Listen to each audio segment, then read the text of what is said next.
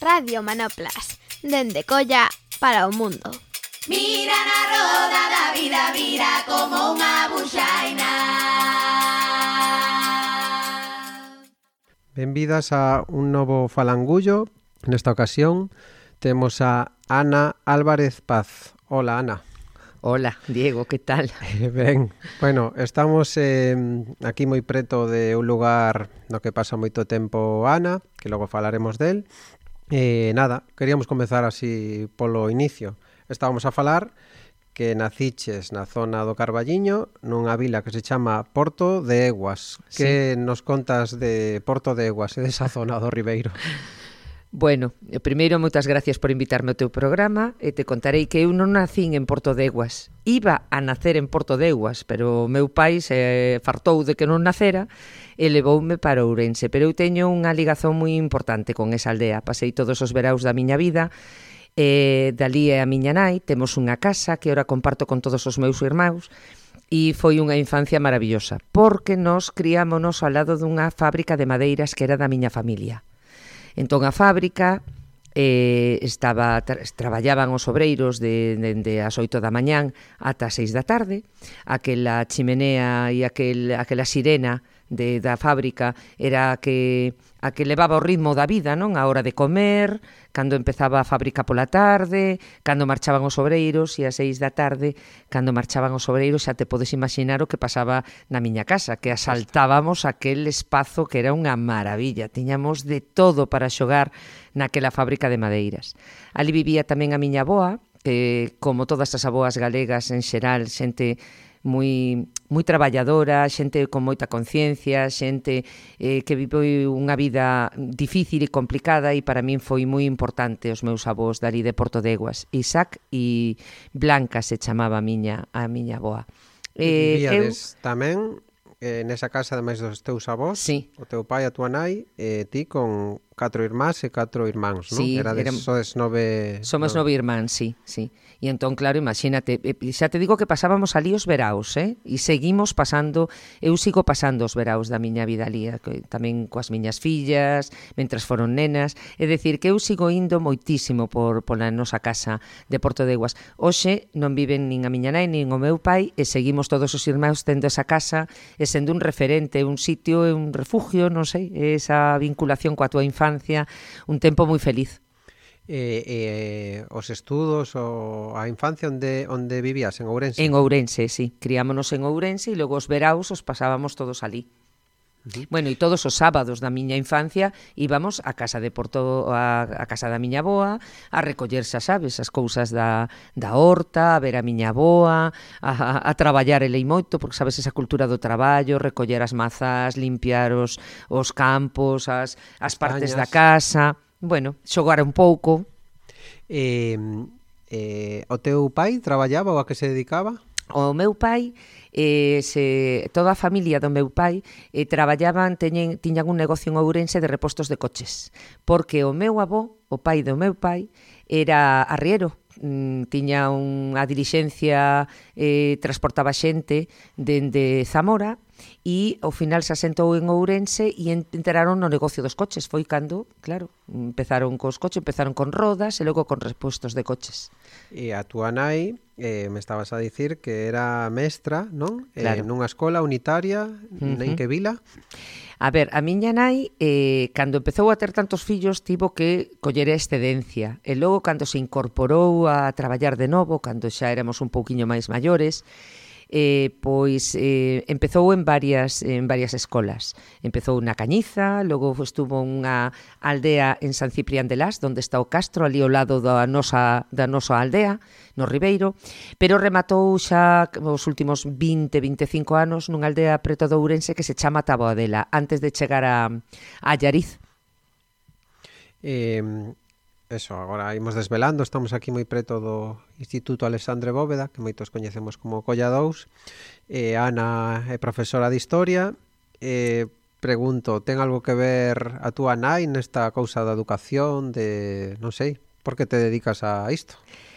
Bueno, pois sí, claro que ten moito que ver. Ás veces as cousas as mamas un pouco na casa, non? A miña nai era unha mestra mm, eh, moi interesante, ademais ela era moi traballadora e ademais eu, como tiñamos moitísimos, éramos tantos na casa, cando empecé a miña adolescencia, si ti querías ter algo de cartos para poder sair, para poder comprarte algo de roupa, te, Eh, nós éramos moitos irmáns e ademais nacimos en moi pouco tempo, nos levamos todos moi pouquiño, nos levamos prácticamente un ano. Entón, pois eu desde os 14 anos dou clase, eh, daba clases particulares. Primeiro a compañeiras ou nenas máis pequeñas do colexo onde eu estudaba en Ourense, E logo, cando xa fun un pouco máis maior, cando cumpriu os 17, 18 anos, sustituía moitas veces na escola a miña nai. Se a miña nai tiña que ir ao médico, pois eu iba a sustituíla ese día, sobre todo dende que empecé a estudiar magisterio igual que ela.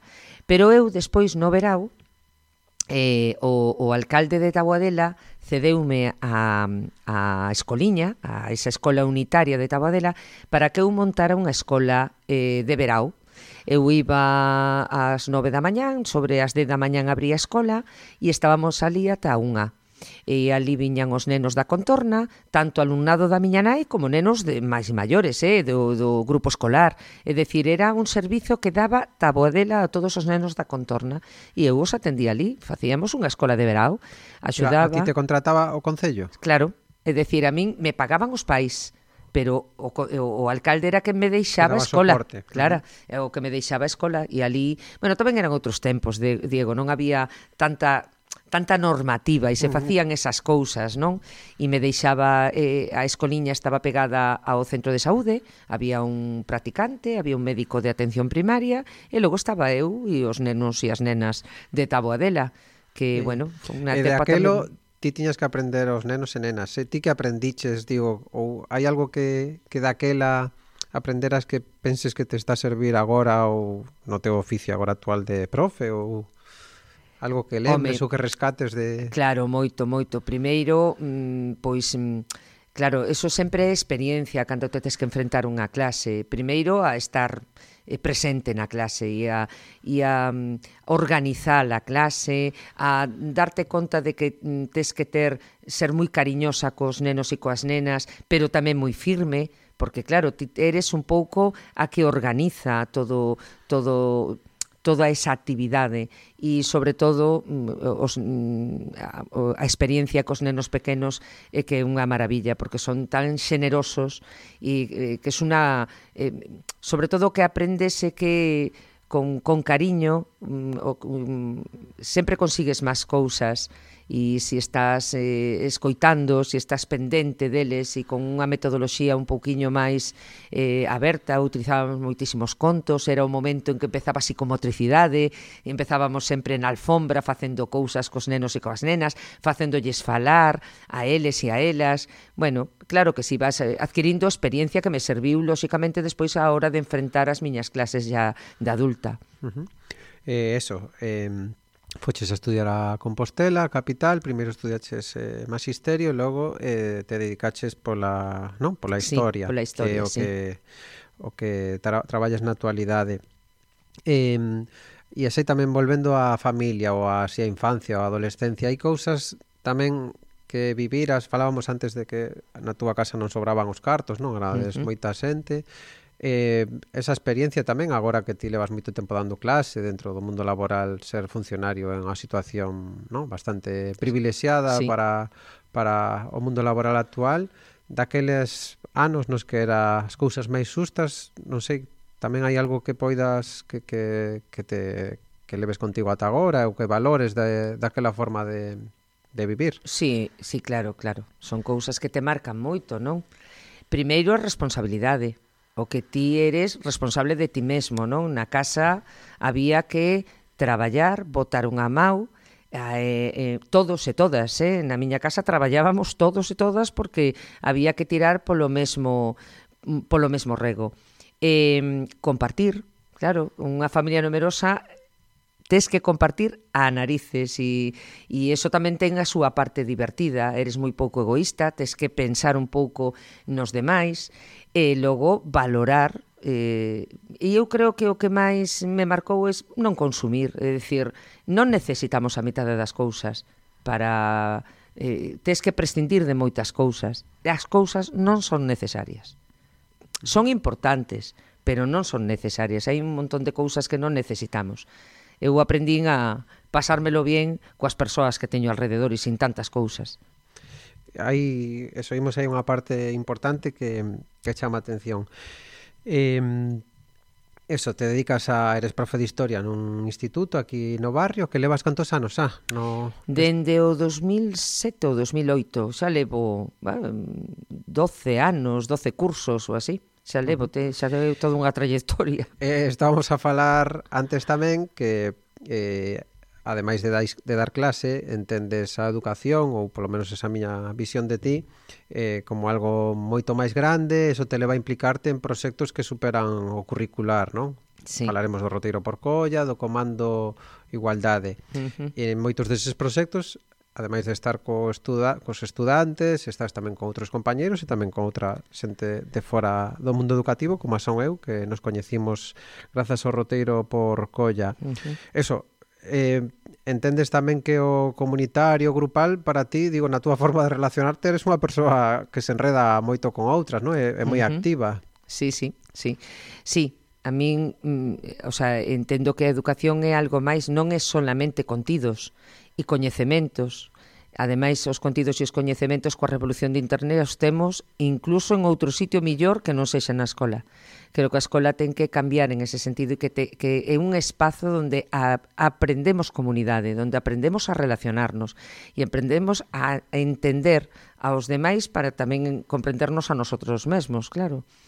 E sí, sí que me gusta moito enredarme en proxectos eh, que impliquen outra maneira de, de relacionarte coa contorna, relacionarte contigo mesmo, descubrir as túas cousas, o que te interesa e o que non te interesa. Sí, me gusta moito mm, eses proxectos. E, sí. en esas eh, te atopas ás veces con relacións máis cercanas, non? Que do normal profesor alumna, alumno, e as faz dende, no? dende a apatía, empatía, dende a cercanía. Eh, agora mesmo debe ser tamén difícil porque tras estes anos meses de pandemia, a rapazada moita dela está bastante tocada, non? Sí, Digo, eh, sí, sí. Eh, cando falemos un pouco máis adiante de coidados e iso, é algo que ti exerces, pero que eso tamén é difícil de, non? De, de artellar no día a día, digo, para ti, ademais da para a xente que acompañas. Sobre todo porque temos moito alumnado, E entón, claro, eso dificulta moito poder estar máis atento ás súas necesidades ou a, incluso a buscar solucións en todos os sentidos, non? Tanto solucións académicas, que ás veces tamén necesitan solucións académicas e ás veces non é fácil, como solucións emocionais. Estamos temos demasiada xente nas aulas, sobre todo nos centros, nas cidades, e iso dificulta a nosa labor, pero sí que me gusta moito estar eh atender esa parte emocional do do alumnado porque só aprendemos así, dende a emoción, dende dende o momento en que en que facemos no, noso o que estamos aprendendo e nos toca un pouquiño e o máis cercano. Supoño que moito diso se aborda no comando igualdade, non? Que sí. se podes contar que, en que consiste para a xente que non saiba uh -huh. o que se fai no Comando Igualdade? Pois o Comando Igualdade é unha iniciativa que surdiu non da miña man, senón dunha compañeira que se chama Chis Oliveira, que hoxendía é unha profesora xubilada, pero que sabedes que é unha muller que ten moitísimos premios, inda este fin de semana acaba de recibir un a nivel de España, eh, porque leva toda a súa vida traballando en prol da igualdade. E ela eh, creou este grupo de nenos e nenas, de mozos e mozas no instituto, que nos formamos en igualdade, en feminismo, e que vamos a outras aulas, tanto no centro como fora do centro, a transmitir todos eses coñecementos, todo coa idea de transformar a sociedade, non? transformándonos nos mesmos, porque evidentemente Realmente hai formación dentro do comando. Eu sempre lle digo ao rapazada do comando que o comando ten dúas patas, unha é a formación e outra é a acción. Pero claro, se ti non cambias, se ti non te achegas a, ao feminismo e non empezas a formarte e a poñer as gafas violetas, as lentes violetas en donde te ves a sociedade de outra maneira, pois tampouco podes contar as cousas aos demais ou ser un axente transformador que é o que pretende o comando. E a verdade que é unha iniciativa moi bonita, donde ademais é unha relación horizontal entre profesorado e alumnado estupenda, e, e en eso estamos, é un e dos proxectos. tamén de festivo, non? O faces ara de Santar, non? O... Sí, quedámonos, eh, uh, as reunións de comando as facemos o luns entre as, entre as horas da mañán e da tarde do instituto. Quedámonos a comer e logo mm, facemos esa formación e preparamos as campañas do 25 de novembro contra a violencia de xénero ou visibilizar o 8 de marzo ou a comunidade LGTB, é dicir, facemos traballamos en prol da igualdade visibilizando todas as datas e todas as problemáticas no instituto. Aproveitamos, hai non moitos, hai Chis e Pristila, non? Sí. Eh, escribiron un libro a, uh -huh. dúas mans que anda movéndose por aí. Sí, eh, sí. Nada, que recomendamos porque fala da experiencia do Comando de Igualdade, non? Sí, tanto da experiencia como das cousas que falamos no Comando de Igualdade. En ese sentido, un libro moi, entre comillas, útil, non? porque conta en que consiste o comando e das claves para que todo outro eh, profes eh, implementen o comando nos seus centros, pero tamén ten unha parte, digamos, de conceptos que traballamos no comando tan interesantes do feminismo, porque non hai que esquecer que o feminismo é todo un, un corpus ideolóxico en el sentido de, de que de que ten moitísima eh, moitísimas persoas pesa, pensando detrás do feminismo, non? Moitas obras, hai moitos conceptos, hai moitos pensadores e pensadoras que aportan cousas ao feminismo, ten 300 anos de historia e eso tamén hai que transmitilo. Eh, ti dicías algunha vez escoitei que eso, comando igualdade, eh, ten moito que ver con Chis, non? Sí. Eh, e tamén Chis antes do Comando de Igualdade lanzou a semente do feminismo nese instituto, non? Que foi o, o centro que ti chegaches, sí que non sei como como percibiches ti chegar a un centro no que había compañeiras e se falaban de temas que non son non eran no aquel momento tan mainstream, non tan maioritarios uh -huh. como son agora. Bueno, pois pues, eh, eh, a verdade é que en un principio alucinei e eh, o que me pareceu é que que afortunados e afortunadas son o alumnado do Alexandre Bóveda por contar Date conta que Chis durante casi 30 anos impartiu unha materia en cuarto da ESO para todo alumnado sobre relacións afectivos sexuais. Cando non era eso, cando era BUP tamén. Cando era BUP, cando era eso, e cando ninguén esperaba unha materia semellante. Entón, que o alumnado do Alexandre Bóveda tivera unha formación feminista sobre como deben ser as relacións amorosas entre as persoas, me parece moi afortunados e afortunadas as, o alumnado do Alexandre Bóveda. Eu penso que, eh, imagínome que se si eu fora nai de unha nena ou un neno que estudara no Alexandre Bóveda, lle daría as gracias de falar de temas tan importantes que nin se tocaban na maioría dos sitios. Uh -huh. E, e eh, chegas eh, a un barrio que aquí o que fala é moi nacionalista do, do barrio e a colla e te preocupas por coñecer máis eh, o contexto, a contorna onde está o instituto, onde está o teu alumnado e os compañeiros eh, nace hai tempos xa o roteiro por colla uh -huh. eso, por que nace e eh, tamén que, en que consiste eso do roteiro por colla? Bueno, O roteiro por colla nace cando en unha conversa eh, en na sala do profesorado o, mm, un sacerdote de aquí, do, da parroquia do Cristo da Victoria, que daba clase de religión no instituto, nos conta toda a loita veciñal para conseguir o Parque da Bouza. Joaquín, non? Joaquín. Bueno, eu flipei, eu, claro, como historiadora dixen, e aquí hai unha serie de televisión, unha película. Ainda non, non están tan de moda. Isto sí que é unha historia que creo que debe coñecer o noso alumnado. E a partir de aí eh, creamos un grupo de traballo que liderou o CEFORE, para facer un traballo de investigación sobre o barrio. Implicamos a un grupo de persoas, de compañeiros e compañeiras do instituto, dividímonos o traballo e elaboramos un, digamos, un, como un memorial sobre distintos aspectos do barrio, entre eles a toponimia, a historia do barrio, eh, o deporte no barrio, di, digamos que aspectos que nos parecían importantes para eh, traballar co alumnado. E resulta que eh, tiñamos un pouco a idea de como implementamos isto, como enseñamos isto ao noso alumnado. E nos pareceu, chegou ao noso, ao noso instituto un libro que falaba sobre iniciativas eh, para trasladar a contorna ao alumnado e unha delas era as visitas orientadas ao barrio e nos pareceu a millor maneira de, mm, de trasladar ese, digamos, traballo teórico en un traballo pedagóxico.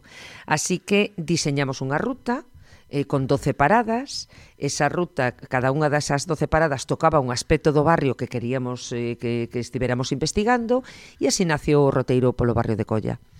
Esa, ese traballo mm, gustou ao Concello de Vigo, que nos eh, financiou a colocación dunhas placas con un código QR en donde está o nome de cada unha das paradas de este roteiro por colla, de tal maneira que se pode facer de maneira individual ese roteiro con un móvil, achegando un móvil e, e escoitando pois, un poquiño de que trata cada unha das paradas, pero nos cada curso intentamos traballar algún aspecto do roteiro co alumnado, ás veces mm, con máis éxito, outras veces con menos éxito, por exemplo, fixemos un roteiro moi bonito que foron o roteiro do, dos lavadoiros, donde implicamos outros departamentos, fixemos, por exemplo, unha obra de teatro no Instituto de un relato de Emilia Pardo Bazán sobre unas lavandeiras, moi relacionado, por certo, coa violencia de xénero, eh, a, o profesorado de Ciencias Naturais fixo xabón mm, nos laboratorios co alumnado, eh, outra vez fixemos un roteiro, outro curso, traballamos as industrias antes da chegada de Citroën ao barrio,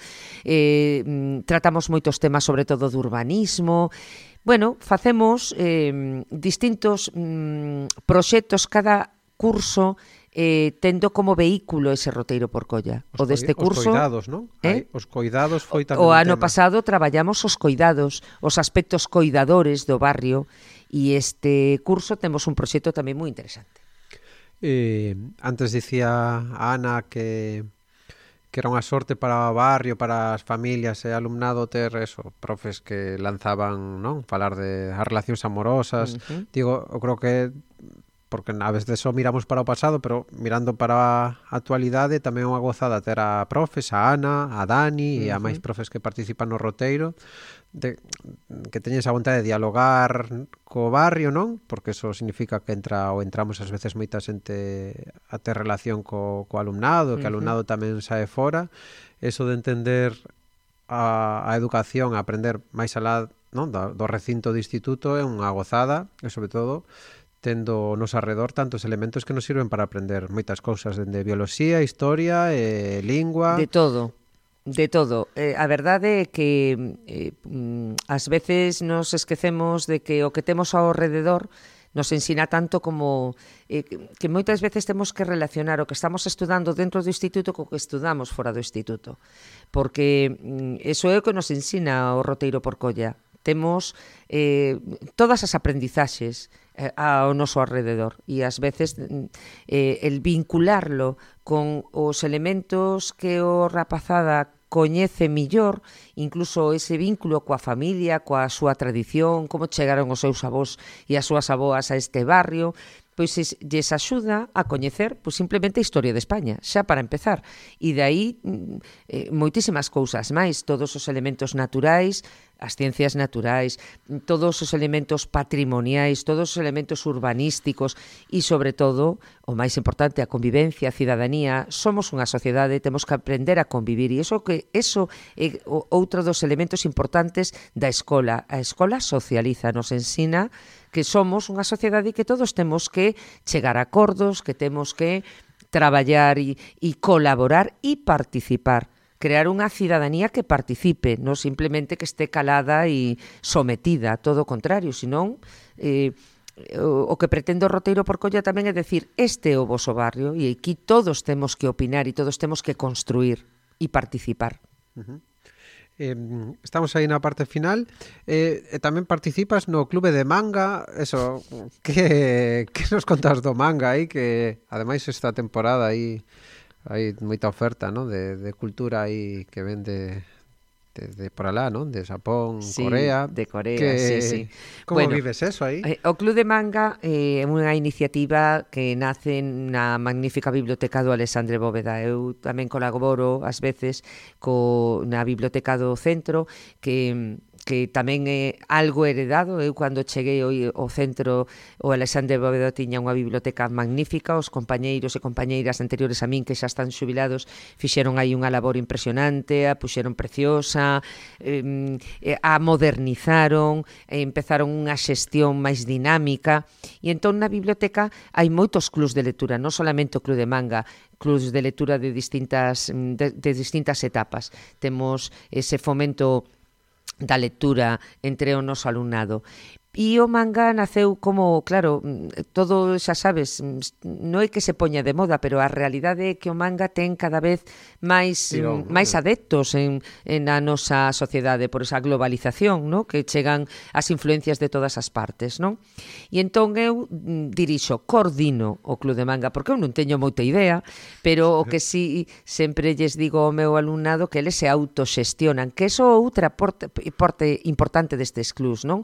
que o alumnado participe activamente de, de estos clubs, non é que o profe diga o que hai que facer, senón que sexan eles os que os que se autoxestionen. E logo nós estamos por detrás pois a axudar, a traer a conferenciantes ou a mercar os libros que les nos propoñen, facer actividades, facer non? actividades, vez, excursións, eh, efectivamente, ou saídas, non? Como o curso pasado, por exemplo, fomos a un a un estudio de de de doblaxe ou facemos ou vamos a ver algunha película de cine facemos así pequenas actividades aínda que o que está desexando o Club de Manga é volver a recuperar a normalidade e que podamos facer encontros de clubs de manga de Gal, de, de, centros, de, de, de aquí, da provincia de Pontevedra, que era un exitazo, lles encantaban esas reunións, porque ti sabes que os rapaces e as rapazas o que queren estar xuntos, verse, coñecer a rapaces e rapaces de outros centros, e eso era algo fantástico, eles implicaban moitísimo en esa actividade, facían mm, concursos de talentos, concursos de dibuixo, dibuixos, concursos de Pokémon, bueno, moitísimas actividades que lles encantan e en donde demostran que se si os deixas teñen moitos outros talentos que moitas veces descoñecemos. Pois o oímos deixar aquí, te dicía eh, off the record que mm, este falangullo remata sempre pedíndolle a entrevistada que recomende unha canción que logo queda soando. Entón, É o teu momento.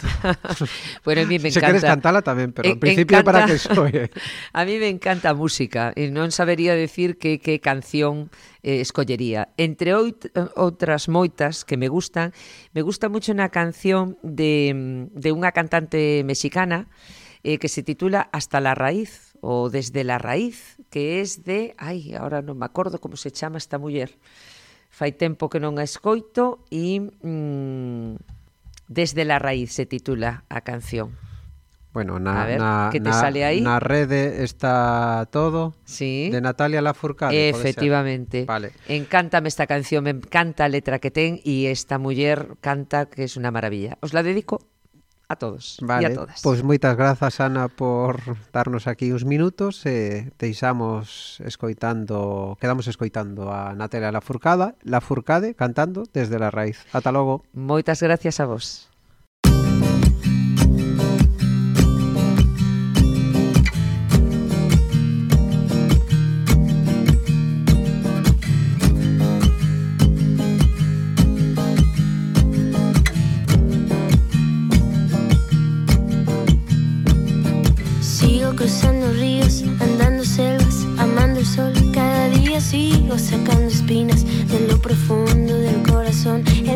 Sigo encendiendo sueños para limpiar con el humo sagrado cada recuerdo.